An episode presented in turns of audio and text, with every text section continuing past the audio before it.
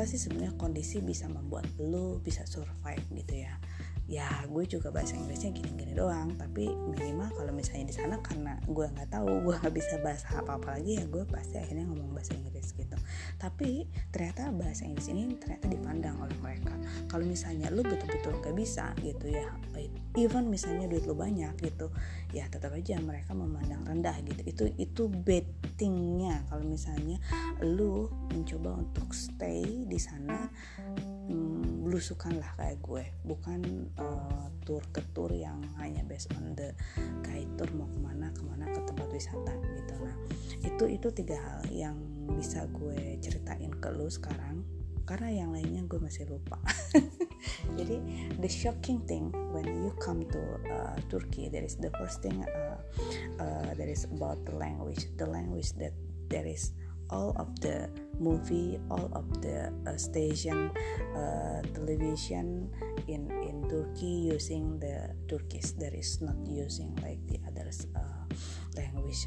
There is no English gitu ya. Enggak hanya di televisi, enggak hanya di situ, tapi juga di like the uh, apa sih petunjuk jalan atau apa pun semuanya in Turkish gitu.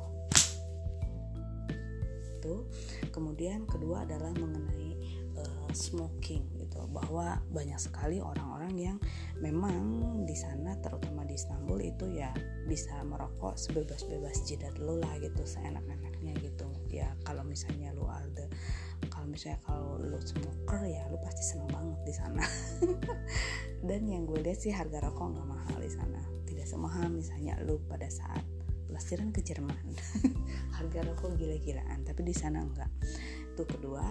Dan yang ketiga adalah mengenai uh, culture gitu. Culture yang mungkin akan bikin lu shock kalau misalnya lu menganggap bahwa uh, ini kok nggak sama sama uh, Muslim country yes there is not gitu ya. Karena there is Muslim country but I think the country is still like the acculturation uh, from uh, many many culture gitu.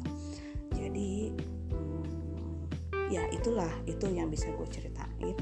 Uh, sekarang mudah-mudahan ini bisa berguna buat lo kalau misalnya lo besok-besok sesudah pandemi gitu ya. Kapan pandemi ini berakhir gue nggak tahu nah sesudah pandemi dan lo punya rencana untuk traveling sendiri gitu ya independen gitu I think there is uh, safe ya if you are going to the uh, Turkey uh, as a solo traveler or maybe uh, oke okay lah jangan solo lah ya pasti independent traveler lah not using the travel gitu ya travel agent or something gitu.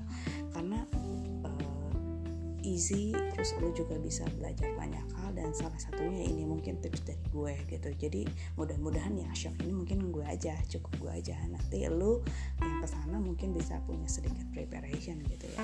Hmm, Oke, mungkin ini aja yang bisa gue share saat ini di podcast gue. Mudah-mudahan ini bermanfaat buat lo dan uh, stay tune tetap di podcast uh, gue ngobrol sana sini. Mudah-mudahan next gue akan bawakan lagi berita berita-berita menarik yang bisa uh, bermanfaat buat kalian semua.